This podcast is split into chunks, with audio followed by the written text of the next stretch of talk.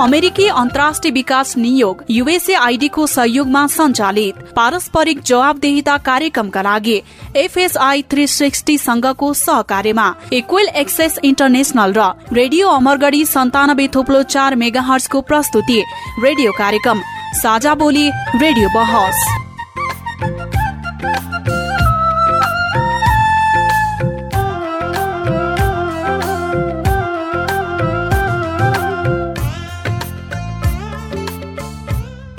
नमस्कार साझा बोली रेडियो बहसमा तपाईँलाई स्वागत छ। म राकेश दयाल। साझा बोली रेडियो बहसमा हामी नागरिक समाज आम सञ्चार माध्यम र सार्वजनिक निकाय बीचको पारस्परिक जवाबदेहिता र आपसी दिगो सम्बन्धका विषयमा छलफल गर्छौं।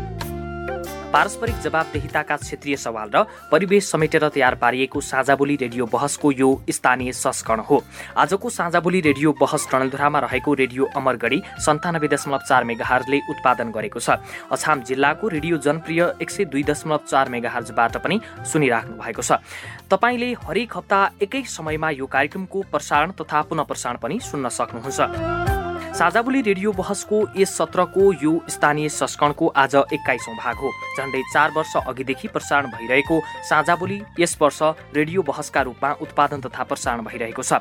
साझाबोली रेडियो बहसको आजको भागमा चिसोबाट बच्न र बचाउन सरोकारवाला निकायको भूमिकाको विषयमा बहस गर्नेछौँ। देशभरका अधिकांश स्थानमा मौसममा आएको बदलीसँगै चिसो बढेको छ। पहाडी जिल्लामा वर्षा र उच्च पहाडी तथा हिमाली जिल्लामा परेको हिमपातले चिसो बढेको छ। तराईमा पनि बिहान र बेलुकाको हुस्सुले धेरै चिसो बढाएको छ। यसरी लामो समयसम्म पानी पर्दा बढ्ने चिसोले मानिसमा धेरै स्वास्थ्य समस्या देखा पर्छन् जाडोमा अन्य मौसममा भन्दा बालबालिका र वृद्ध वृद्धलाई बढी मात्रामा स्वास्थ्य समस्या हुने गर्दछ।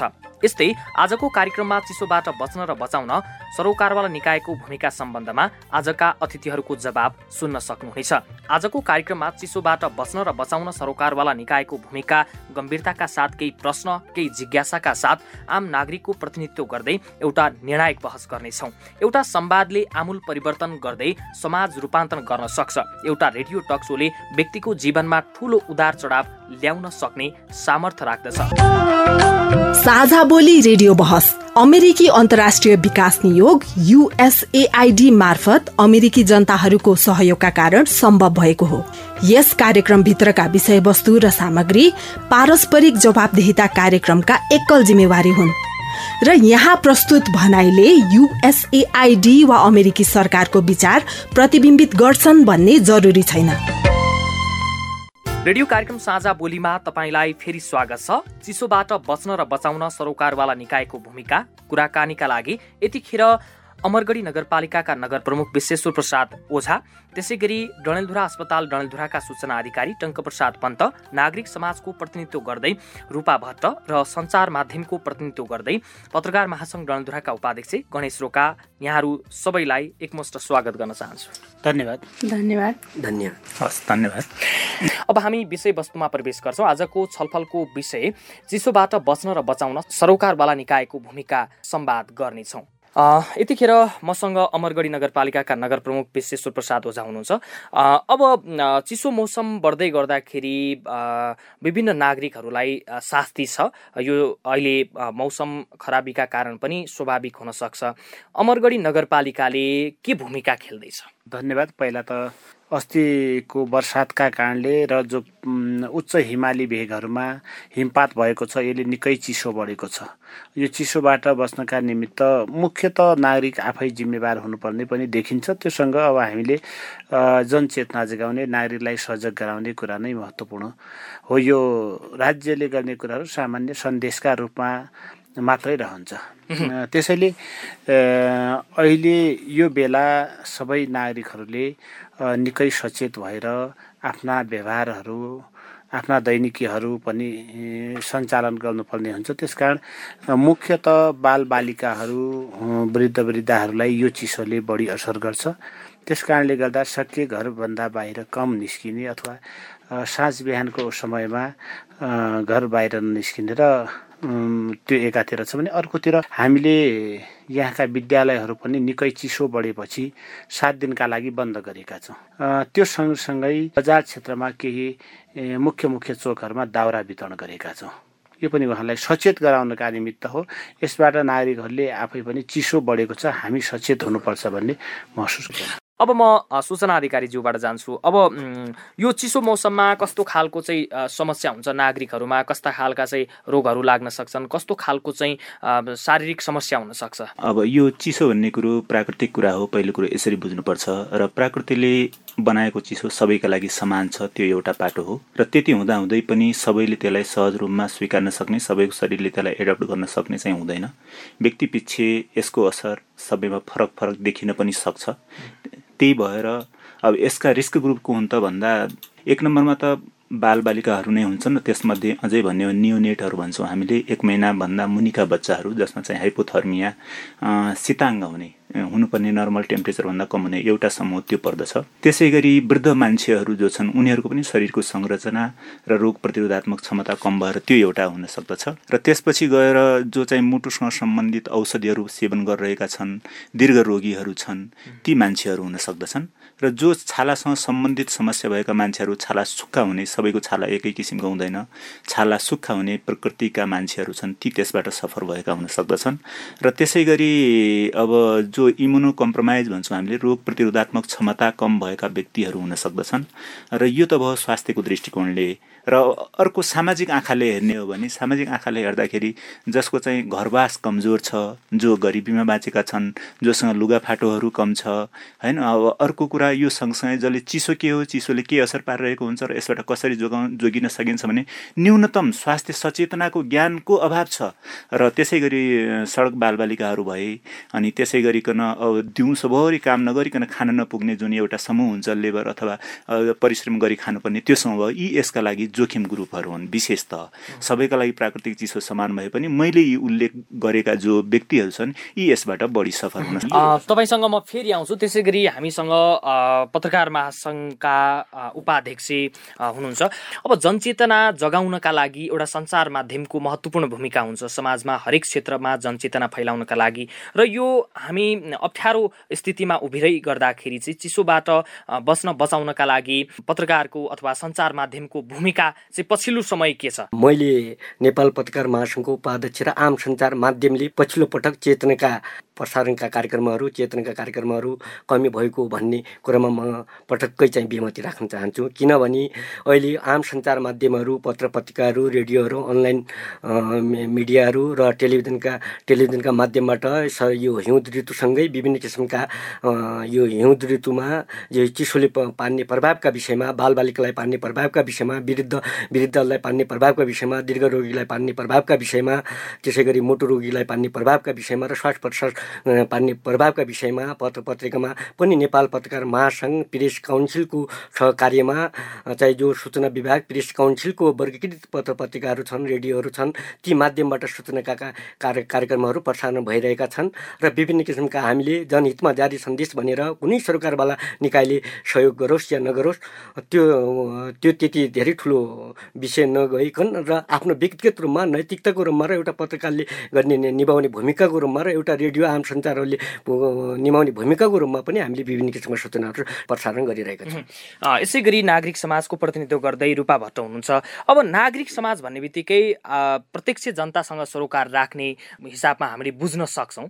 र जनचेतनाकै कुरालाई मैले अगाडि बढाउँदाखेरि तपाईँहरू जस्तो नागरिक समाज अथवा तपाईँहरू जस्तो समाजसेवी अभियन्ताहरूले चाहिँ समाजमा अब हरेक समस्याहरू आउँछ। तथापि आज चाहिँ हामी यो चिसोबाट बच्न बचाउन के भूमिका चाहिँ सरोकारवाला निकायको हुन्छ भन्ने विषयमा बहस गर्दैछौँ। यो विषयमा त तपाईँ के भन्न चाहनुहुन्छ पहिला? चिसो मौसममा अब जनचेतनाका लागि त अब चेतना नभएको पनि होइन मानिसमा। तर अब चिसोको कारणले बढी जस्तो अब प्रभावित हुने समुदाय पनि यहाँ राखिसक्नु भएको छ पूर्व वक्ताहरूले। र यसमा पनि अब नागरिक समाजको तर्फबाट विभिन्न कार्यक्रमहरूमा विभिन्न समुदायहरूमा हामी पुग्ने गर्छौँ होइन। त्यसमा पनि अब बढी जस्तो महिलाहरू बालबालिकाहरू प्रभावित हुने कारणले सर्वप्रथम त सम्पूर्ण जिम्मेवारी घर घरको जिम्मेवारी महिलाले लिएका कारणले महिलाहरूलाई चाहिँ चिसोको बारेमा अहिले यो मौसमको बारेमा जानकारी दिनुपर्ने र उनीहरूले आफ्नो बालबच्चाहरूलाई कसरी हेरखबर गर्न सक्छन् होइन? चिसोबाट बस्नका लागि उपायहरू उनीहरूले के के गर्न सक्छन् भन्ने कुराहरू महिला वर्गहरूलाई बढी चेतनामूलक कार्यक्रमहरू महिला वर्गका लागि जानुपर्छ जस्तो मलाई लाग्छ। अब तपाईँ नागरिक समाजको प्रतिनिधित्व गर्दै हुनुहुन्छ जस्तो नागरिक समाजले प्रत्यक्ष रूपमा नागरिकका हरेक समस्याहरू समाधान गर्ने प्रयत्न गर्छ होइन? अब त्यो भित्र पनि तपाईँले महिलाको कुरा उठाउँदाखेरि चाहिँ महिलाहरू निकै प्रभावित छन् जसरी तपाईँले भन्नुभयो। बालबालिका पनि सबै क्षेत्र त्यतिकै प्रभावित छ। तथापि महिलाहरूलाई यो समस्याबाट उन्मुक्तिमा ल्याउनका लागि के गर्नुपर्छ? अब तपाईँ पनि एउटा महिला। अब यो चिसोकै सन्दर्भमा भन्ने हो भने त अब न्यानो कपडाहरू लगाइदिने बच्चाहरूलाई स्कुल आउँदा जाँदा पनि टोपीहरू पन्जाहरू होइन उनीहरूलाई सुरक्षित गर्नको लागि त्यसरी पठाउने। घरमा बस्दा पनि अब लाइनहरू अब अहिले धेरै जस्तो ठाउँमा त हाम्रो विद्युतको पहुँच छ। अब बत्तीबाट चल्ने विभिन्न साधनहरू जस्तो हिटरहरू प्रयोग गर्छन् होइन?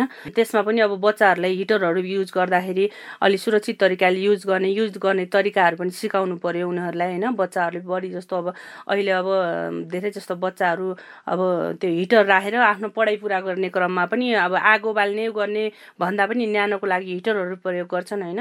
त्यो पनि अब कतिको पावरले त्यो धान्छ भन्ने कुराहरू बच्चाहरूलाई सिकाउनु पर्यो होइन? अनि न्यानो कपडाहरू सिरक सिरक ओढेर पनि आफ्नो घरभित्र सुरक्षित बस्ने यस्तो मौसममा अब टाढा गएर चोक चोकमा दाउरा बालेर त्यही जमघट गरेर बस्नु भन्दा पनि होइन आफ्नो घरमै सुरक्षित राख्ने कुराहरूमा सचेत गराउनु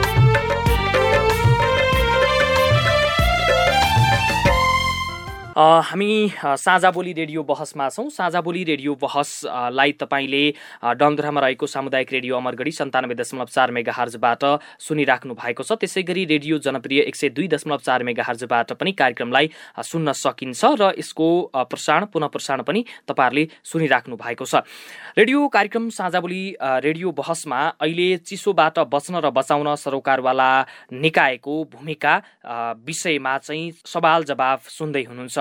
बहसमा अतिथिहरू हुनुहुन्छ। कार्यक्रममा अमरगढी नगरपालिकाका नगर प्रमुख विश्वेश्वर प्रसाद ओझा डन्दुरा अस्पताल डन्दुराका सूचना अधिकारी टङ्क प्रसाद पन्त नागरिक समाजको प्रतिनिधित्व गर्दै रूपा भट्ट र सञ्चार माध्यमको प्रतिनिधित्व गर्दै पत्रकार महासङ्घ डन्दुराका उपाध्यक्ष गणेश रोका हुनुहुन्छ। सूचना अधिकारी ज्यू जस्तो उहाँले भने जस्तो आगो ताप्ने त्यसपछि हिटर प्रयोग गर्ने होइन? यो कुरा चाहिँ यो चिसो मौसममा कतिको सान्दर्भिक कुरा हो? अब चिसोको कारणले गर्दाखेरि मान्छेमा हुन सक्ने समस्या के हुन् भनेर सरसर्ती बुझ्ने हो भने सामान्य। अब एउटा श्वास प्रश्वास प्रणालीबाटै सुरु गरौँ। सबभन्दा बढी प्रभावित श्वास प्रश्वास प्रणाली हुन्छ। त्यसमा सामान्य रुगाखोकी पनि देखिन सक्छ। त्यो हुँदै भएर बालबच्चामा विशेष त घाँटीमा हुने टन्सिल भन्छौँ टन्सिल बढ्न सक्छ। फुक निल्दा खाना निल्दा खान नसक्ने फेरेन्जाइटिस भन्छौँ त्यो समस्याहरू निम्तिन्छ। त्यसै गरी त्योभन्दा तल जाँदै जाने हो भनेपछि ब्रोङ्काइटिस भन्छौँ हामीले निमोनियाहरू। फोक्सको सङ्क्रमण धेरै बालबालिकाहरू निमोनियाबाट मृत्यु हुने गर्छ निमोनियाहरू निम्तिन्छ। त्यसपछि गएर रक्त सञ्चार प्रणालीतिर मुटु र रगतसँग जोडेर हेर्ने हो भनेपछि अब मुटुमा रक्त सञ्चार कम पुगेर हृदयघातका घटनाहरू धेरै बढ्न सक्छन् हार्ट अट्याक भनेर भन्ने गरिन्छ। त्यसै गरिकन मान्छेलाई थाहा नपाइकन उपचारको पद्धतिमै नगरिकन हुन सक्ने समस्या ब्रेन हेमोरेज भन्छौँ सिबिए भन्छौँ। दिमागमा रगतका नली फुटेर हुन सक्ने त्यो समस्या पनि हिउँदको बेला बढी हुन्छ। त्यसै गरी अर्को रगत जम्ने समस्या हुन्छ आफूमै। मान्छेले मनतातो पानी खानुपर्छ भन्ने सामान्य चेतना समेत नहुँदा रगत बाग्लो भएर शरीरका विभिन्न ठाउँमा रगत जम्ने समस्याहरू हुन सक्छन्। त्यसै गरी अब यो पाचन प्रणालीतिरको कुरा गर्ने हो भनेपछि पेट ढुस्स हुने ग्यासहरू बढ्ने खाना अपच हुने पाखाला लाग्ने होइन? विशेष त धेरै रोटा भाइरसको कारणले गर्दा पाखाला लाग्ने समस्याहरू निम्तिन सक्छन्। त्यसै गरिकन मान्छेलाई यति बेला अब मान्छे अब चिसो कारणले धेरै हिडडुल फिजिकल एक्सर्साइजमा पनि जाँदैनन् र यसले गर्दा उसको मनस्थिति मानसिक समस्याहरू पनि केही बढेको देखिन्छ यसो हेर्ने हो भने। एन्जाइटी भन्छौँ चिन्ता गर्ने कुराहरू त्यस्तो समस्याहरू पनि बढेको देखिन्छ। जस्तो त्यसले गर्दाखेरि चाहिँ हृदयघात पनि निम्तिन सक्छ होइन? योबाट चाहिँ कसरी सुरक्षित बस्ने? एक नम्बरमा न्यानो हुने उपाय नै गर्नु पर्यो। घरमा मान्छेसँग आफ्नो अवस्था जे छ जस्तो किसिमको लुगा छन् आफसँग भएका मध्ये न्यानो र बाक्लो लुगाहरू शरीरका सबै भाग ढाक्ने गरिकन लगाउनु पर्यो। एक नम्बरमा त्यो गर्न पर्यो। र दोस्रो कुराहरू तातो पानी अब मान्छेका लागि सबैभन्दा राम्रो योग्य चिज केही छ यो संसारमा भने पानी छ र त्यो पानीलाई तातो पानीको रूपमा तातो पानी बनाएर प्रयोग गर्नु पर्यो तातो झोल खाने कुराहरू खान पर्यो। त्यसपछि गएर अब छाला सुक्खा छ भनेपछि भ्यासलिनहरू अरू चिजहरू लाउन सकिने भयो। जो नियमित रूपमा औषधि खाइरहेका छन् उहाँले नियमित रूपमा जाँच गराउनुपर्छ जसको रगत बाक्लो भएर हार्ट अट्याकका समस्या अनि ब्रेन हेमोरेजका समस्या हुन्छन्। उहाँले नियमित रूपमा जाँच गर्नुपर्छ। उसको रगत कति बाक्लो छ कति पातलो छ त्यो कुरो पत्ता लगाउन हस्पिटलमा गएर त्यो जाँच गर्न पर्यो र औषधिको तालमेल मिलाएर औषधि बेला बेला सेवन गर्न पर्यो र अर्को कुरा भनेको यति बेला मान्छेलाई सामान्य जानकारी पनि नभएर कोठा थुनेर कोठामा मक्कल ताप्ने कोइला बाल्ने हिटर बाल्ने जसले गर्दा कोठा गुम्म हुन्छ कोठामा अक्सिजनको उपस्थिति हुँदैन अक्सिजनको उपस्थिति नहुँदा कोइला अनि हिटरहरू अनि त्यो ग्यासहरूले गर्दाखेरि कार्बन मोनोअक्साइड भन्ने विषाक्त ग्यासहरू फैलाइराखेको हुन्छ र मान्छे सुतेको सुतिरहन्छ। त्यही भएर अब हिटर बाल्दा कोइला ताप्दा अथवा अरू मक्कल ताप्दाखेरि कमसेकम कोठामा दोहोरो हावा आवाज जावत हुने भेन्टिलेसनको सुनिश्चितता गरेर मात्रै गर्नुपर्छ र बच्चाहरूमा वृद्ध मान्छेहरूमा र घरमा मात्रै बसिरहने न्युज नसुन्ने हामीले यति जनचेतना कार्यक्रम चलाउँदा पनि थाहा नपाउने नेपालमा नै यत्रो घटना हुँदा इभन स्वास्थ्यसँगै जोडिएको विषय मान्छे हुँदा ती मान्छेलाईसम्म थाहा थिएन भनेपछि हामीले गरेका कामहरू कति प्रभावित छन् कति इफेक्टिभ छन् त्यसमा पनि हामीले सोच्नुपर्ने छ सबै जगतहरूले सञ्चार जगत लगायत सबैले र त्यही भएर यस्तो किसिमको जनचेतना पनि उहाँहरूलाई दिनुपर्छ कोठामा भेन्टिलेसन आउने जाने किसिमको गर्नुपर्छ र यति चिजबाट जोगिन सकियो भने समग्र रूपमा आफ्नो स्वास्थ्य केयर गर्न सकिन्छ भन्ने लाग्छ मलाई। जस्तो मेयर साहब अब नगरपालिका क्षेत्रभित्रका आम नागरिकहरू जस्तै एकल महिला असहाय अपाङ्ग वृद्ध वृद्धा बालबालिकाहरूलाई चाहिँ एउटा न्यानो कम्बल वितरण पनि गर्न सकिने अवस्था हो स्थानीय सरकारको बजेटबाट होइन? यो कुरालाई यहाँहरूले कसरी लिनुभएको छ? अब यो कुराहरू आकस्मिक रूपमा सम्भावना कम पनि हुनसक्छ किनकि यसका निमित्त पूर्व निर्धारित बजेट व्यवस्थापन इत्यादि गरेको हुनुपर्छ। र मुख्यत अहिले स्थानीय तहहरूले आफ्ना बजेटहरू विनियोजन गर्ने क्रममा सम्बन्धित वडाहरूका आवश्यकताहरूलाई मध्यनजर गर्दै वडाहरूले नै ब्रेकडाउन गर्छन् भनेर वडाको सिलिङका रूपमा केही बजेट विनियोजन गरिएको हुन्छ। त्यसबाट धेरै ठाउँहरूमा म्यानेज गरेको पनि छौँ। यस विगतका वर्षहरू पनि गऱ्यौँ। नपुगेका ठाउँहरूमा यस वर्ष पनि होला। यो कार्यक्रमहरू नियमित नै होला। तर समग्र नागरिकहरूलाई सबैलाई वितरण गर्न सकिने अवस्था नहुन सक्छ यसमा। मिलाएर निकै आर्थिक अवस्था कमजोर भएका असहाय अपाङ्ग एकल महिलाहरू निम्न स्तर भएका नागरिकहरूलाई मात्रै यो वितरण गर्ने हो। जस्तो अब यहाँहरूले विज्ञप्ति पनि निकाल्नु भएको छ विद्यालयहरू बन्द गर्नुपर्ने भनेर चाहिँ एक हप्ताका लागि भनेर त्यसरी विज्ञप्ति निकाल्दै गर्दाखेरि चाहिँ अहिले तपाईँहरूले विज्ञप्ति निकाल्नु भयो त्यसपछि भोलिपल्टैदेखि चाहिँ मौसम सफा भयो मौसममा परिवर्तन आयो होइन? फेरि त्यो विज्ञप्तिलाई यहाँहरूले निरन्तरता दिनुभएको छ स्थगित भनेर चाहिँ भन्नुभएको छैन होइन? अब मौसम सफा भइसकेपछि अथवा घाम लागिसके सकेपछि चाहिँ विद्यालय त अब जसोतसो पुनः सुचारू हुनुपर्ने अवस्था हो किन? अब यसलाई त अलि सहज भयो भने चिसोको प्रभाव त अहिले पनि घटेको छैन। साँझ बिहान त हामीले हेऱ्यौँ भने निकै शीत परेको छ निकै चिसो छ। यो सुधार हुँदै गयो भने यसलाई फिर्ता पनि केही दिनका लागि घटाउन सकिन्छ समयावधि छुट्याउन सकिन्छ यो आकस्मिक रूपमा गर्न सकिने कुरा त्यसै गरी नागरिक समाजको प्रतिनिधित्व गर्दै रूपा भट्ट हुनुहुन्छ। अब तपाईँले अघि धेरै कुरा गरिसक्नुभयो तर अब एकल महिलाहरू समाजमा अलिकति बढी छन् र त्यो सँगसँगै एकल महिला बढी पीडित छन् चिसोबाट अहिले होइन? तपाईँहरूले चाहिँ यसो अध्ययन गर्दै गर्दाखेरि चाहिँ समग्र रूपमा चाहिँ महिलाहरू मध्ये चाहिँ एकल महिला कतिको समस्यामा छन्? एकल महिलाहरू अब अन्य महिलाको तुलनामा अब अब समग्र समाजको तुलनामा त महिला पीडित छन् होइन? त्यसमा पनि एकल महिला अपाङ्ग महिलाहरू होइन? असहाय महिलाहरू पीडित हुनुहुन्छ यसबाट चाहिँ होइन? अब उहाँहरूको घरमा आम्दानीको स्रोत भन्ने कुरा केही हुँदैन होइन? अब विभिन्न चरणमा विभिन्न कार्यक्रमहरू गर्दाखेरि पनि अब उहाँहरूलाई धेरै कुराको आवश्यकता पर्न सक्छ होइन? यसमा चाहिँ अब एकल महिलाहरू चाहिँ पीडित नै हुनुहुन्छ उहाँहरू। उहाँहरूका लागि हामीले अब वकालतका ठाउँमा या उहाँहरूका आवाजहरू पुर्याउने ठाउँमा हामीले विभिन्न निकायमा पुर्याइराखेका पनि छौँ होइन? कतिपय एकल महिलाहरूले मैले आफ्नो आँखाले देखेको छु अमरगढी नगरपालिकाबाट पाउने सुविधाहरू न्यानो कमलका कुरा गर्नुभयो अघि पनि। यहाँ हाम्रो नगर प्रमुखज्यूले उहाँको हातबाट हस्तान्तरण गरेर हाम्रा समूहका एकल महिलाहरूलाई हामीले अब समग्र त हामीले पनि सकेका छैनौँ। जिल्लाभरि कति नै एकल महिलाहरू हुनुहुन्छ होइन? सबैका लागि त सकेका छैनौँ तर जो जति पनि हाम्रो नजरमा हुनुहुन्छ जो जति पनि हामीले देखेका छौँ उहाँहरूका लागि आवाज लबी गर्ने क्रममा हामीले विभिन्न माध्यमबाट उहाँहरूलाई सहयोग जुटाइराखेको क्रममा चाहिँ नगरपालिकाबाट पनि उहाँहरूले जस्तो यहाँनिर मैले एउटा कुरा अझ थपेँ जस्तो तपाईँहरूले सीमित एउटा महिलाहरूलाई चाहिँ एकल महिलाहरूलाई कमल वितरण न्यानो लुगा वितरणको कार्यक्रम जो गर्नुभयो होइन? त्यसमा एकिन तथ्य तथ्याङ्क नगरपालिकाबाट अथवा आफै आफ्नै पहलमा पनि त लिन सकिन्थ्यो पालिकाभित्रका एकल महिलाहरूको। त्यो चाहिँ लिनु भएन? हाम्रो चाहिँ समूहगत चाहिँ हामीले एकल महिला कति हुनुहुन्छ कुन समूहमा कतिजना हुनुहुन्छ भनेर त संस्थागत रूपमा राख्ने गरेछौँ होइन? संस्थागत रूपमा चाहिँ हामीले कुन समूहमा कतिजना हुनुहुन्छ कुन पालिकामा कतिजना हुनुहुन्छ भनेर राख्ने त गरेका छौँ तर जिल्लाभरिको एकछिन तथ्याङ्क चाहिँ हामी जस्तो अमरगढी नगरपालिकाभित्रकै कुरा गर्ने हो भने अमरगढी नगरपालिकाका एघारवटै ओडाभित्र भएका एकल महिलाहरू असहाय अपाङ्ग त्यस्ता महिलाहरूलाई चाहिँ यहाँहरूले खोज तलास गर्नु भएन उसो समग्रमा अब यति छन् भनेर त गरिएको छैन तर हामी आफू फिल्डमा जाने क्रममा समूहमा जाने क्रममा चाहिँ समूहगत चाहिँ छ सर। अब ओडाभरि नै सबै ओडाभरि चाहिँ गर्न सकिन्छ तपाईँसँग म फेरि आउँछु त्यसै गरी हामीसँग पत्रकार महासङ्घका उपाध्यक्ष गणेश रोका हुनुहुन्छ। अब सञ्चार माध्यमको भूमिकाको विषयमा तपाईँले अघि केही चर्चा परिचर्चा गरिसकेपछि फेरि यो चिसोबाट बस्नका लागि जस्तो गाउँघरमै गएर चेतना फैलाउने कुराहरूमा चाहिँ तपाईँ सक्रिय अब कतिको हुनुहुन्छ? म सक्रिय नै छु म हिन्दुकुश पत्रिकाबाट पनि नेपाल पत्रकार महासङ्घकोबाट पनि म गाउँमा गाउँ गाउँमा गएर रिपोर्टिङ कुराहरू यो चिसोको बेला चाहिँ बालबालिकामा परेको प्रभाव चाहिँ वृद्ध वृद्धिमा परेको प्रभाव एकल महिलाहरूमा परेको प्रभाव निम्न वर्गमा परेको प्रभावको विषयमा चाहिँ रिपोर्टिङमै छु र कतिपय ठाउँमा मैले के पाएको छु भने कतिपय सरकारवाला निकायहरूको पनि ध्यान नपुगेको पाइएको छ। जस्तै हाम्रो अमरगढी नगरपालिका एघार नम्बरकै वडाको कुरा गरौँ कतिपय महिलाहरू दिनभरि काम गरेर पनि बिहान बेलुका के खाउँ भन्ने अवस्थामा पनि तिनीहरूलाई चिसो भएको र तिनीहरूले कपडा पनि न्यानो कम्मलहरू पनि नपाएको अवस्थामा मैले यो कुरा त तपाईँहरूले सञ्चार माध्यममा उठाउनु पर्यो नि सरोकारवालाको ध्यान आकर्षण गराउनका लागि त।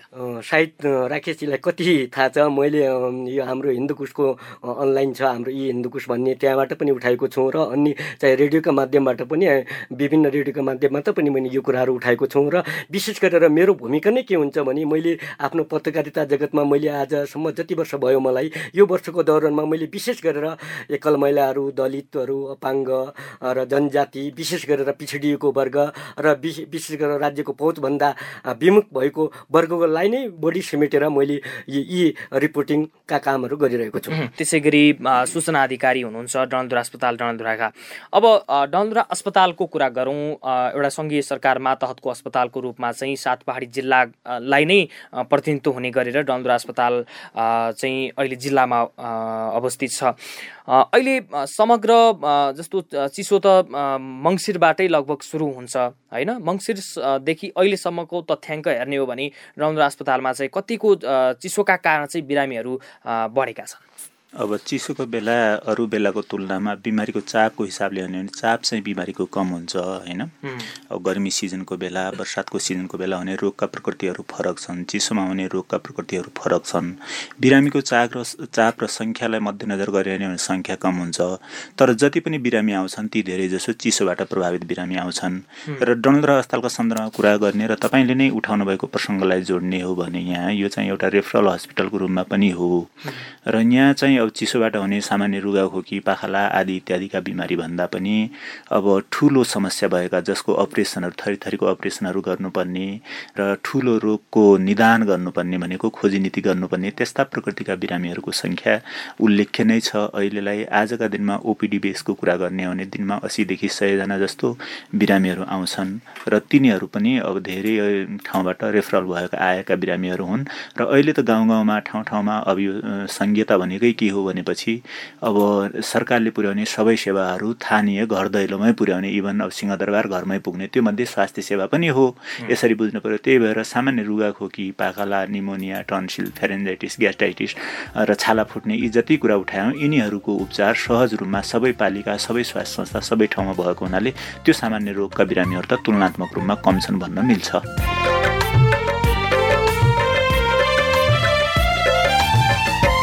तपाईँ अहिले पारस्परिक जवाबदेहिता प्रवर्धनका लागि साझा बोली रेडियो बहस सुन्दै हुनुहुन्छ। हामी कुराकानी गरिरहेका छौँ चिसोबाट बस्न र बचाउन सरोकारवाला निकायको भूमिका। र यतिखेर हामीसँग अतिथिको रूपमा हुनुहुन्छ अमरगढी नगरपालिकाका नगर प्रमुख विश्वेश्वर प्रसाद ओझा डलधुरा अस्पताल डलधुराका सूचना अधिकारी टङ्क प्रसाद पन्त नागरिक समाजको प्रतिनिधित्व गर्दै रूपा भट्ट र सञ्चार माध्यमको प्रतिनिधित्व गर्दै पत्रकार महासङ्घ डलधुराका उपाध्यक्ष गणेश रोका। फेरि म नागरिक समाज कै सवालमा चाहिँ अगाडि बढ्छु। अब सामाजिक क्षेत्रमा पनि काम गरिरहनु भएको छ तपाईँ अहिले कार्यक्रममा नागरिक समाजको प्रतिनिधित्व गर्दै हुनुहुन्छ होइन? अब फेरि म तथ्याङ्ककै कुरा गर्छु। एकल महिलाहरू अथवा पीडित महिलाहरू असहाय महिलाहरू अपाङ्ग महिलाहरू कै कुराकानी गर्ने हो भने चाहिँ अबको दिनमा अझै पनि समय छ तथ्याङ्क लिन सकिन्छ उहाँहरूलाई सहयोग गर्न सकिन्छ यो कुरामा तपाईँ कतिको जोड दिनुहुन्छ अबका दिनमा? तथ्याङ्कको आधारमा हामी जहाँ पनि जान्छौँ तर अब काम चाहिँ हामी मरिमरि गरिराखेका हुन्छौँ। तथ्याङ्कमा चुकेको जस्तो लाग्छ मलाई पनि। तर यो तथ्याङ्कको आधारमा जाने हो भने एकदमै राम्रो आउटपुट आउन सक्छ होइन? अब विभिन्न क्षेत्रमा विभिन्न समुदायमा हाम्रो स्टाफहरू अफिसियल रूपमा पनि स्टाफहरू छन् होइन। अब उनीहरूलाई भनेर पनि हामी त्यो ल्याउन सकिन्छ नसकिने कुरो होइन तथ्याङ्क ल्याउनका लागि त होइन। अनि यसमा पनि अब सरकारवाला निकायहरूमा गएर पनि हामीले तथ्याङ्क सङ्कलन गर्न सक्छौँ। स्वयं गाउँमै गएर पनि तथ्याङ्क सङ्कलन गर्न सक्छौँ होइन।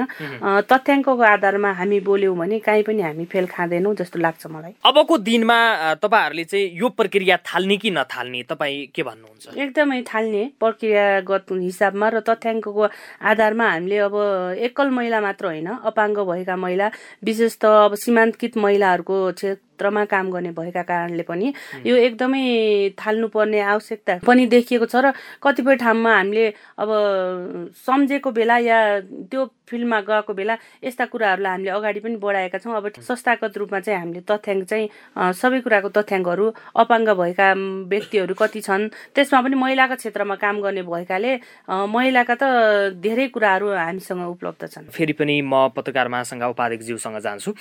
अहिले गाउँ गाउँमा सिंहदरबार छ भनेर भन्दै गर्दाखेरि चाहिँ प्रत्येक ओडामा जनप्रतिनिधिहरू हुनुहुन्छ। प्रत्येक ओडाका समस्याहरू ओडामै समाधान जनप्रतिनिधिद्वारा गराउनका लागि चाहिँ एउटा बहसका कार्यक्रमहरू अथवा जनचेतनाका कार्यक्रमहरू जनप्रतिनिधिलाई नै राखेर जनताको अगाडि चाहिँ गर्न सकिने अवस्था हो या होइन? भन्न त भनिन्छ सिंहदरबार गाउँ गाउँमा छ ओडा ओडामा छ घर घरमा छ भन्ने छ। यो एउटा केवल चाहिँ एउटा कागजपत्र मात्र सीमित जस्तो लाग्छ। किनभने मलाई मलाई पनि एउटा यो समाचार रिपोर्टिङका क्रममा चाहिँ मलाई पनि बाह्र तेह्र वर्ष भइसक्यो। र यो रिपोर्टिङका क्रममा अझै पनि पनि सङ्घीयताको कार्यान्वयन चाहिँ प्रभावकारी रूपमा नभएको देखिन्छ र सङ्घीयता एउटा एउटा त्यो एउटा चुनावी नारा मात्र हो कि भन्ने पनि लाग्छ। किनभने चाहिँ सिंहदरबार घर घरमा र गाउँ गाउँमा भन्ने गरिएको छ तर बजेटको सवालमा गर्दाखेरि आम्दानीको स्रोतको कुराहरू गर्दाखेरि अझै पनि चारोको रूपमा एउटा बजेट विनियोजित गरिएको छ। कुनै एउटा दीर्घकालीन योजनाहरू गर्दाखेरि कुनै ठाउँको कुनै समुदायको दीर्घकालीन योजनाहरू गर्दाखेरि त्यहाँ एउटा चारोको रूपमा मानु। चार पाँच लाखले त्यो कामहरू सम्भव हुने देखिन्छ भने त्यहाँ चालिस हजार पचास हजार बिस हजार गरेर एउटा जनता भोल्याउने कामहरू गरिएको छ। त्यसैले मलाई के लाग्छ भने सङ्घीयता एउटा दिगो रूपमा र दीर्घकालीन रूपमा र एउटा वृहत र विस्तृत रूपमा नसोचिकन चाहिँ एउटा सङ्घीयता यो कार्यान्वयन गरिरहेको छ कि भन्ने लाग्छ। होइन अब यो कुरामा तपाईँहरूले जनप्रतिनिधिलाई बेला बेला त झकझक्याउनु पर्यो नि त। सञ्चार माध्यमको तर्फबाट तपाईँहरू पनि त राष्ट्रको चौथो अङ्ग भनेर राष्ट्रले चाहिँ सम्बोधन गरेका छ तपाईँहरूलाई होइन? हरेक नागरिकहरूका सवाल अथवा हरेक नागरिकहरूका जिज्ञासा आवश्यकतालाई समाधान गराउने त पत्रकारको पनि त एउटा महत्त्वपूर्ण भूमिका हुन्छ होइन? यो सँगसँगै चिसोकै कुरालाई पनि त तपाईँहरूले मैले अघि भने बसको रूपमा अथवा छलफलको रूपमा तपाईँहरूले किन गर्नु भएन भनेर जनप्रतिनिधिहरूलाई चाहिँ झकझक्याउन सकिने कुरा होइन र? र तपाईँले भनेको कुरामा म सहमत छु र यो विषयमा चाहिँ हामीले पटक पटक विभिन्न किसिमका कार्यक्रमहरूमा पनि जनप्रतिनिधिलाई सोधेका छौँ र तपाईँहरूले सिंहदरबार चाहिँ घर घरमा भन्ने गर्नुभएको छ र तपाईँ जनप्रतिनिधिको नाताले चाहिँ ओडामा चाहिँ नगरपालिकामा चाहिँ गाउँपालिकामाहरूमा कति कार्यक्रमहरू गर्नुभएको छ दीर्घकालीन रूपमा कति कार्यक्रमहरू गर्नुभएको छ उहाँले भन्दा उहाँको जवाफ एउटै आउँछ बजेट कम भयो बजेट विनियोजित कम भयो मान्छेहरूको आवश्यकता बढी भयो जनताहरूको आवश्यकता बढी भयो विकासका आवश्यकताहरू बढ बढी भयो अधिकारका आवश्यकताहरू बढी भयो तर कार्यान्वयनको पाठमा जाँदा आम्दानीको स्रोतहरू कम भयो भन्ने कुराहरू एकतर्फ छ भने अर्को कुराहरू जो तपाईँले चिसोको बेलाको कुरा उठाउनु भएको छ यो चिसोको बेलामा पनि उहाँले के भन्नुहुन्छ भने हाम्रो बजेट कम भएको हुनाले हामीले हामीले चाहिँ हन्ड्रेड पर्सेन्ट काम गर्न नसकेर चाहिँ काहीँ चालिस पर्सेन्ट काहीँ साठी पर्सेन्टको रूपमा आंशिक रूपमा हामीले काम गर्नुपर्ने हाम्रो बाध्यता छ।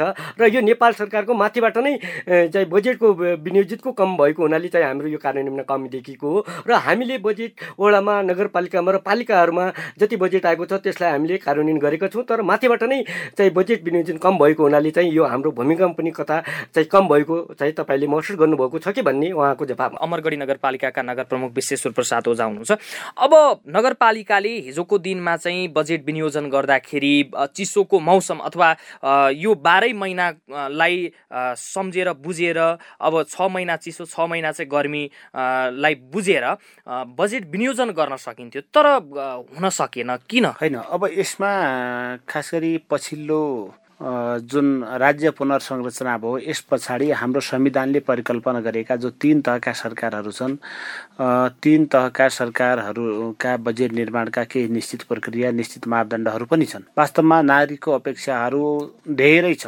धेरै अपेक्षा छ साधन स्रोत सीमित छ। त्यस कारणले गर्दा सीमित स्रोत साधनले असीमित आवश्यकताहरूको परिपूर्ति गर्न कहिलेकाहीँ कठिनाइ पनि हुन्छ। त्यस कारणले कार्यक्रम नभएको होइन तर समग्र नागरिकहरूलाई एकैपटक वितरण गर्न सकिने अवस्था नरहन सक्छ। समग्र नागरिकहरूलाई मिलाउँदै जस्तो मैले अघि पनि भने असहाय एकल महिला गरिब अति विपन्न होइन? ती त्यस्ता नागरिकहरूलाई त सामान्यतया वितरण गर्न सकिन्थ्यो नि होइन अब त्यसका पनि सङ्ख्या होला अमरगढीको जनसङ्ख्या करिब बाइस हजार छ। बाइस हजार नागरिकहरूलाई वितरण गर्न सम्भव नहोला। तर यसमा विगतका दिनहरूमा पनि यो कार्यक्रमहरू निरन्तर हामीले अगाडि बढाउँदै आएका छौँ र यस वर्ष पनि आवश्यक ठाउँहरूमा केही ठाउँमा वितरण गर्ने कार्यक्रम छ। अब तर राज्यका निश्चित पोलिसीहरू हुन्छन्। हामीले चाहेर अथवा मैले चाहेर मात्रै हुँदैन। अहिले पनि हाम्रो करिब दुई महिना भयो प्रमुख प्रशासकीय अधिकृतको सरुवा भएको। राज्यको विडम्बना नै भनौँ। हामीले पनि प्रमुख प्रशासकीय अधिकृतको सरुवा मागेका थिएनौँ। जाने प्रमुख प्रशासकीय अधिकृतले पनि सरुवा मागेको थिएन।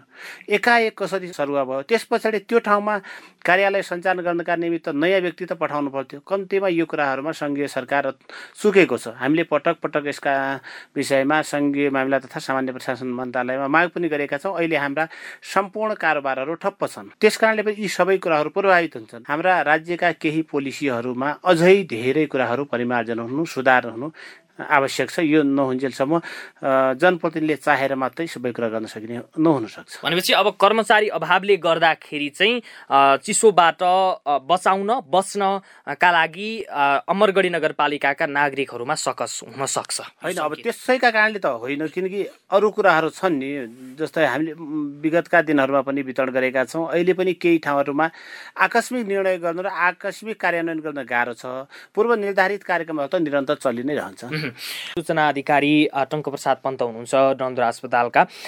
अब अस्पतालमा अझै पनि यो चिसोको मौसम चाहिँ जारी छ यो चाहिँ केही महिनासम्म अझ रहन्छ होइन? डन्दुरा अस्पतालमा पूर्वाधार व्यवस्थापनदेखि लिएर जनशक्ति को के छ अवस्था? अहिले अस्पताल चाहिँ अब सङ्घीय हस्पिटल हो एक सय नौजना दरबन्दी भएको अस्पतालमा अहिले चाहिँ झन्नै एक सय नब्बे बयानब्बेजनाले सेवा दिइरहेका छन् समग्रमा। अब यो अस्पतालको स्तर उन्नति पनि भइसकेको छ। अब यो तिन सय बेड माथि नै हुन्छ यो हस्पिटल र अस्ति मात्रै ओएनएम सर्वे गर्न भनेर हस्पिटललाई दिइसकेपछि हस्पिटलले आफ्नै किसिमको ओएनएम सर्वे गरेर झन्नै साढे तेह्र सयभन्दा माथि दरबन्दीहरूको उनीहरूको अब जब डिस्क्रिप्सन कार्य विवरणसहित के के हुन्छ भने ओएनएम सर्वेको लागि एउटा बुक तयार गरी झन्नै साढे चार सय पेजको हामीले स्वास्थ्य मन्त्रालयमा पठाएका छौँ। सम्भवतः त्यो त्यहाँबाट अब स्वीकृत भएर आइसकेपछि यसको ओएनएम सर्वे पुरा हुन्छ होला। अब प्रश्न रह्यो चिसोको बेला अहिलेको जनशक्ति के छ र भौतिक पूर्वाधार के छ भन्ने सन्दर्भ सन्दर्भमा रहेको कुरा छ। चिसोको कारणले जति पनि अब बिमारीहरू सफर हुन सक्छन् ती सफरहरूलाई उपचार गर्नको लागि डणलद्वारा अस्पताल आजका दिनमा सक्षम छ सबल छ र भौतिक पूर्वाधार जनशक्तिको हिसाबले चिसोको उपचार गर्न सकिँदैन बर्बाद छ भन्नेतिर सोच्नु हुँदैन।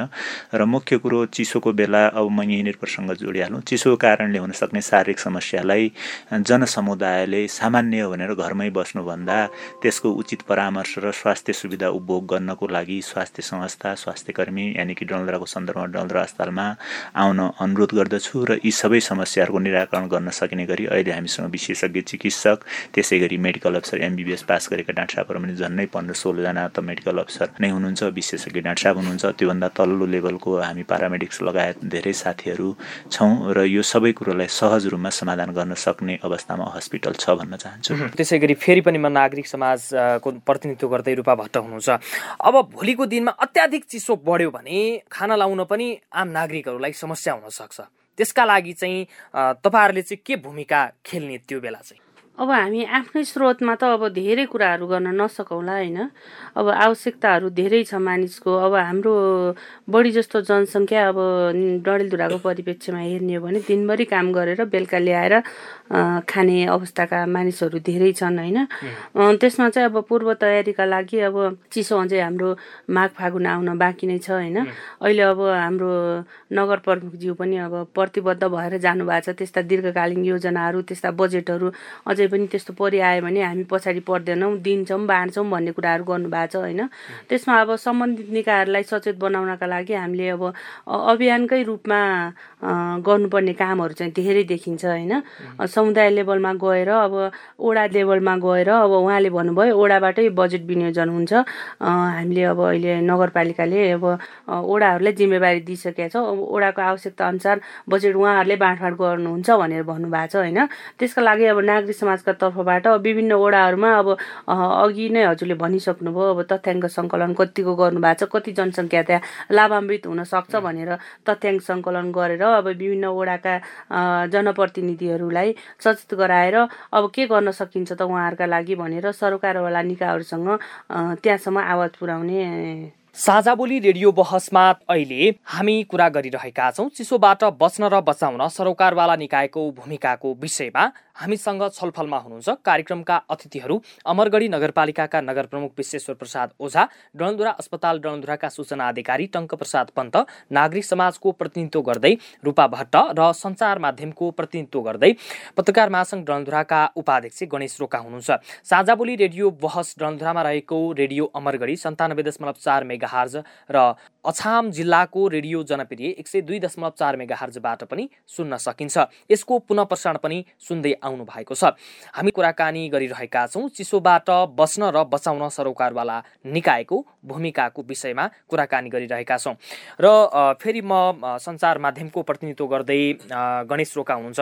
अघि तपाईँले बजेटको कुरा गर्नुभएको थियो जस्तो जनप्रतिनिधिहरूले बाहना बनाउने बजेट छैन अर्को अर्को छैन भनेर चाहिँ भन्ने त्यसैमा सीमित रहने र नागरिकहरूले शास्ति पाउने समस्याहरू चाहिँ समाधान नहुने भनेर भन्दै गर्दाखेरि चाहिँ बजेट चाहिँ छ कि छैन जस्तो नगरपालिकामा अथवा पालिकामा बजेट छ कि छैन भन्ने खोजी निकासी पनि त पत्रकार महासङ्घले गर्न सक्छ अथवा सञ्चार माध्यमले गर्न सक्छ। यो अधिकार त प्रत्यक्ष रूपमा सञ्चार माध्यमलाई पनि छ। होइन? यो भूमिका कसरी निर्वाह गर्ने? एकदम ठिक कुरा उठाउनु भयो र यो बजेटको विषयमा चाहिँ हामीले पटक पटक चाहिँ विभिन्न किसिमका वडा पालिकाहरूमा पटक पटक चाहिँ हामीले सूचनाको अधिकारहरू सूचनाका चाहिँ चाहिँ कागजातहरू माग्दाखेरि पनि उहाँलाई हामीले पटक गर्दाखेरि पहिलो कुरा त यहाँलाई अवगत नै गराइहालौँ र सुरुमा चाहिँ बजेट विनियोजित बजेट माथिबाट नै ढिलो गरी आउँछ र त्यसपछि त्यो बजेट पालिका स्तरमा विनियोजित गरिँदा त्यसको असाढ मसान्तको एक दुई महिना अगाडि मात्र बजेट विनियोजित हुन्छ र त्यसमै पनि उहाँहरूको एउटा सक्रियता र भूमिकाको रूपमा आंशिक रूपमा चाहिँ सक्रियता देखिएको हुनाले उहाँको बजेट विनियोजितमा नै कार्यान्वयन पनि एक प्रकारको फितलो देखिन्छ। र दोस्रो कुरा चाहिँ बजेट विनियोजन कति छ बजेट विनियोजित भन्ने कुराहरूमा उहाँले के भन्नुहुन्छ भने हाम्रो वडा वडाहरूमा पन्ध्र लाख बिस लाख बढीमा तिस पैँतिस लाख चाहिँ हाम्रो वडामा दिएको छ र अझै पालिका स्तरमा चाहिँ जगडा कोषहरू मर्मतको लागि विभिन्न किसिमको लागि राखिएको हुन्छ र त्यो चाहिँ हामी त्यो असाढ मुसान्तको अन्तिममा चाहिँ त्यसको चाहिँ बाँडफाँड गर्छौँ र आवश्यकता अनुसार आकस्मिक रूपमा चाहिँ त्यो पऱ्यो भने गर्छु भनेर तिनीहरूले भनिरहेको हुन्छ। र त्यो कुराहरू नै बढेर देखिएको र उहाँको बढी जसो नै जनप्रतिनिधिको गुनासो के हो भने हुन त कार्यकाल पाँच वर्ष सकिँदैछ र उहाँको अन्तिम गुनासो नै के हुन्छ भने बजेट कम आउँछ र जनताका इच्छा आकाङ्क्षाहरू आवश्यकताहरू बढी हुन्छ र बजेट कम आउने कारणले नै हामीले सोचे जस्तै र दीर्घकालीन कामहरू गर्न सकेका छैनौँ र हामीले एउटा बजेट कम आएको हो कि ठिक ठिकै आएको हो कि सन्तोषजनक आएको हो कि होइन भन्ने त खोजी निकासी त तपाईँहरूले पनि गर्नुपर्छ नि गर्नु भएन आजसम्म। सञ्चार माध्यमले पटक पटक गरिरहेको छ। यो पाँच वर्षको दौरान होइन योभन्दा अगाडि पनि सञ्चार माध्यमले पटक पटक बजेट विनियोजितका कुराहरू गरिरहेको छ र उहाँले बजेट विनियोजितका कुराहरूमा पनि हाम्रो वडामा यति बजेट आएको छ हाम्रो पालिकामा यति बजेट आएको छ र यति बजेट चाहिँ जगेडा मर्मतमा रहेको छ भनेर भएको छ र बजेट बजेट कम आउनुभन्दा पनि बजेट जति बजेट आएको छ त्यसको कार्यान्वयन सही रूपले भइदिएको भए चाहिँ ओडाले एउटा एउटा निश्चित समुदायमा एउटा निश्चित योजनामा चाहिँ एउटा काम चाहिँ सफल दीर्घकालीन देखिन्थ्यो र त्यो काम दीर्घकालीन र एउटा दिगो रूपमा चाहिँ नभइरहेको अवस्था देखिएको छ। हामी हामी कार्यक्रमको अन्तिममा छौँ मेयर साहबसँग जान्छु। अब भोलिको दिनमा मा अझै पनि चिसो जारी छ यो चाहिँ अझ केही महिनासम्म रहन्छ होइन? अब तपाईँको अन्तिममा चाहिँ प्रतिबद्धता चाहिँ के हुन्छ? अकस्मात चिसो अझ बढ्यो अझ त्यो आवश्यकताहरू महसुस भयो भने त यस पूर्व पनि विभिन्न कार्यक्रमहरू तत्काल पनि रकमान्तर गर्दै गरिएका पनि छन् जस्तै विगतका दिनहरूमा पनि पूर्व निर्धारित कोभिड आउँछ भन्ने पूर्व अनुमान नै थिएन। आकस्मिक रूपमा कोभिड आउँदा धेरै कार्यक्रमहरू स्थगन गरेर हामीले त्यतातिर पनि बजेट डाइभर्ट गर्यो। त्यो गर्न सकिन्छ त्यसमा। हाम्रो जिम्मेवारी पनि हो नागरिक पूर्तिको राज्यको जिम्मेवारी हो। सूचना अधिकारीज्यू अब डनधुरा अस्पताल डनधुराबाट सेवा प्रदान हुने जति पनि स्वास्थ्य सम्बन्धीका समस्याहरू छन् नागरिकहरूका डनधुरा अस्पतालबाट हुने सहयोग अथवा उपचारमा डनधुरा अस्पताल प्रतिबद्धता हो। नागरिकलाई दिनुपर्ने सेवा सुविधा राज्यबाट प्रवाह हुनुपर्दछ र त्यो प्रवाह गर्ने निकायको रूपमा डनधुरा अस्पताल पनि हो। त्यो चाहिँ गभर्मेन्टकै हस्पिटल हो सरकारी हस्पिटल हो र प्रतिबद्ध हुनुपर्छ र छ। निश्चित रूपमा प्रतिबद्ध नै छ। त्यही भएर अन्तमा चाहिँ अब यदि कुनै पनि व्यक्तिमा कुनै पनि शारीरिक समस्या चिसोको मात्रै होइन कि कुनै पनि शारीरिक समस्या छ भने तत्काल अस्पताल आउनुहोस् र स्वास्थ्यको बारेमा खोजी नीति गरेर कुन समस्या भएको त्यसको निराकरण कसरी गर्न सकिन्छ भन्ने सचेत हुनुहोस् र उपचार पद्धतिले स्वस्थ जीवन जिउनुहोस् भन्ने सन्देश दिँदै नमस्कार भन्न चाहन्छु। हस् त्यसै गरी नागरिक समाजको प्रतिनिधित्व गर्दै रूपा भट्ट हुनुहुन्छ।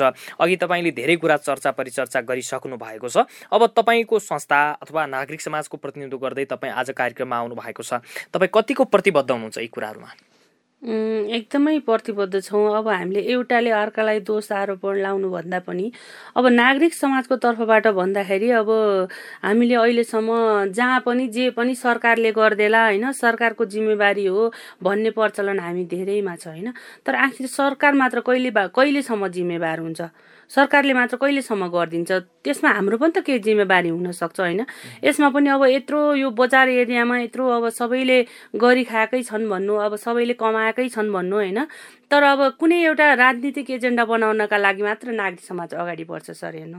अब यहाँ अब एकदमै मनैदेखि लिएर भन्यो भने हामी नागरिक समाज हो हामी कुनै पार्टीको झन्डा उठाएर हिँड्दैनौँ हामी नागरिक समाज भएरै जनताको लागि काम गर्छौँ भनेर कुनै पनि काम गरेको जस्तो मलाई लाग्दैन होइन? यदि त्यस्तो हुन्थ्यो भने किन सरकारकै मात्र बाटो कुर्नु पर्थ्यो र? यत्रो बजार व्यवस्थापन छ यत्रो बजारमा विभिन्न के अरे व्यापारीहरूले विभिन्न व्यापार सञ्चालन गरिराखेका छन् होइन? त्यहीबाट पनि एउटा हामीले अलग्गै कोष निर्माण गरेर यस्तो यो आकस्मिक रूपमा हुने प्रकोपका लागि केही राहत सङ्कलन गरेर एउटा छुट्टै कोष खडा गरेर पनि त हामीले सहयोग गर्न सक्थ्यौँ होला होइन? नयाँ खालको केही कार्यक्रम ल्याएर नागरिक समाजलाई चिनाउने भिन्नै खालको केही कोष स्थापना गरेर हुन्छ कि कसरी हुन्छ? यो नागरिक समाजको भूमिकालाई अगाडि बढाउनको लागि हामी एक एउटाले अर्कालाई मात्र दोष लाएर होइन कि नागरिक समाजले भिन्नै केही कार्यक्रम गर्नुपर्छ कि जस्तो मलाई लाग्छ। भनेपछि तपाईँ आफ्नो कामप्रति र अहिलेको जुन यो हामीले विषय उठायौँ यो विषयप्रति तपाईँ प्रतिबद्ध हुनुहुन्छ। एकदमै प्रतिबद्ध छु सर। हस् तपाईँलाई धेरै धेरै धन्यवाद छ त्यसै गरी सञ्चार माध्यमको प्रतिनिधित्व गर्दै गणेश रोका हुन्छ अब सञ्चार माध्यमको महत्त्वपूर्ण भूमिका हुन्छ हरेक क्षेत्रमा र यो अवस्थामा आइपुग्दाखेरि चाहिँ चिसोबाट बच्न बचाउनका लागि सरोकारवाला निकायको भूमिका मध्ये एउटा सरोकारवाला निकाय सञ्चार माध्यम पनि हो। तपाईँ आफ्नो सञ्चार माध्यमको तर्फबाट चाहिँ प्रतिबद्ध हुनुहुन्छ? सञ्चार माध्यमले हिजो विगतदेखि नै पनि यो चिसोको बेला मात्रै होइन जुनसुकै बेला पनि समस्या परेको बेला सञ्चार माध्यमले विभिन्न किसिमको सञ्चार माध्यमले आफ्नो भूमिका निभाएकै छ र अझ पनि सञ्चार माध्यम एकदम कटिबद्धको रूपमा पूर्ण रूपमा चाहिँ कटिबद्धको रूपमा चाहिँ प्रतिबद्धका रूपमा चाहिँ आफ्नो भूमिका निभाउँछ। विभिन्न किसिमका चेतनामूलक सूचनाहरू प्रसारण गरेर जनचेतनाका कार्यक्रमहरू गरेर विभिन्न किसिमको श्रोताहरूमा विभिन्न किसिमको चाहिँ कुराहरूमा चाहिँ सञ्चार माध्यम एकदम पूर्ण प्रतिबद्धता छ र म नेपाल पत्रकार महासङ्घको उपाध्यक्षको हैसियतले पनि के भन्न चाहन्छु भने डनलु जिल्लामा रहेका सम्पूर्ण सञ्चार माध्यमहरूले अहिलेसम्म चिसोको बेला यो हिउँद ऋतुको बेला निभाएको भूमिका लगायत आगामी दिनहरूमा पनि सञ्चार माध्यमले एकदम महत्त्वपूर्ण भूमिका निभाउनेछ भन्नेमा म पूर्ण रूपमा आशावादी छु। नमस्कार। हामी साझा बोली रेडियो बहसको अन्त्यमा आइपुगेका छौँ। साझा बोली रेडियो बहसबारे मनका कुरा भन्नका लागि एनटिसीको मोबाइल वा ल्यान्डलाइन फोन प्रयोग गर्नुहुन्छ भने सोह्र साठी शून्य एक शून्य शून्य चार पाँच नौमा फोन गर्न सक्नुहुन्छ। एनसिएल प्रयोग गर्नुहुन्छ भने अन्ठानब्बे शून्य पन्ध्र एकहत्तर शून्य दुई नौमा फोन गर्नुहोला यी नम्बरहरूमा फोन गरेको पैसा लाग्दैन र प्राप्त निर्देशन अनुसार प्रश्न सोध्न सकिन्छ। पारस्परिक जवाबदेहिताबारे आफूले देखे सुने या भोगेका कुनै कुरा लेख मार्फत व्यक्त गर्न चाहनुहुन्छ भने अरूका लेखहरू पढ्न चाहनुहुन्छ भने W W W dot Mero report dot net MEROREPORT dot एनइटीमा लगइन गर्न सक्नुहुनेछ। साझा बोली रेडियो बहस तपाईँले मेरो रिपोर्ट वेबसाइट पोडकास्ट च्यानल र सामाजिक सञ्जालहरूमा पनि सुन्न सक्नुहुनेछ। हवस् त आजको साझा बोली रेडियो बहसबाट अब बिदा हुने बेला भयो। हामीले आज चिसोबाट बस्न र बचाउन सरोकारवाला निकायको भूमिका को विषयमा खरु बहस गर्यौं। आशा छ यी प्रतिबद्धताहरू पूरा हुनेछन्। आजका हाम्रा अतिथिहरू हुनुहुन्थ्यो अमरगढी नगरपालिकाका नगर प्रमुख विश्वेश्वर प्रसाद ओझा। त्यसै गरी अस्पताल डलधुराका सूचना अधिकारी टङ्कप्रसाद पन्त नागरिक समाजको प्रतिनिधित्व गर्दै रूपा भट्ट र सञ्चार माध्यमको प्रतिनिधित्व गर्दै पत्रकार महासङ्घ डलधुराका उपाध्यक्ष गणेश रोका हुनुहुन्थ्यो। उहाँहरू सबैलाई धेरै धेरै धन्यवाद। यतिन्जेल ध्यान दिएर कार्यक्रम सुन्नु भएकोमा तपाईँलाई पनि धन्यवाद। आगामी हप्ता पनि आजको जस्तै समयमा सार्वजनिक जवाबदेहिताको अर्को विषयमा खरो छलफल लिएर आउने नै छौँ। सुन्न नबिर्सिनुहोला। आजको कार्यक्रमबाट म राकेश दयाल विदा भए। नमस्कार।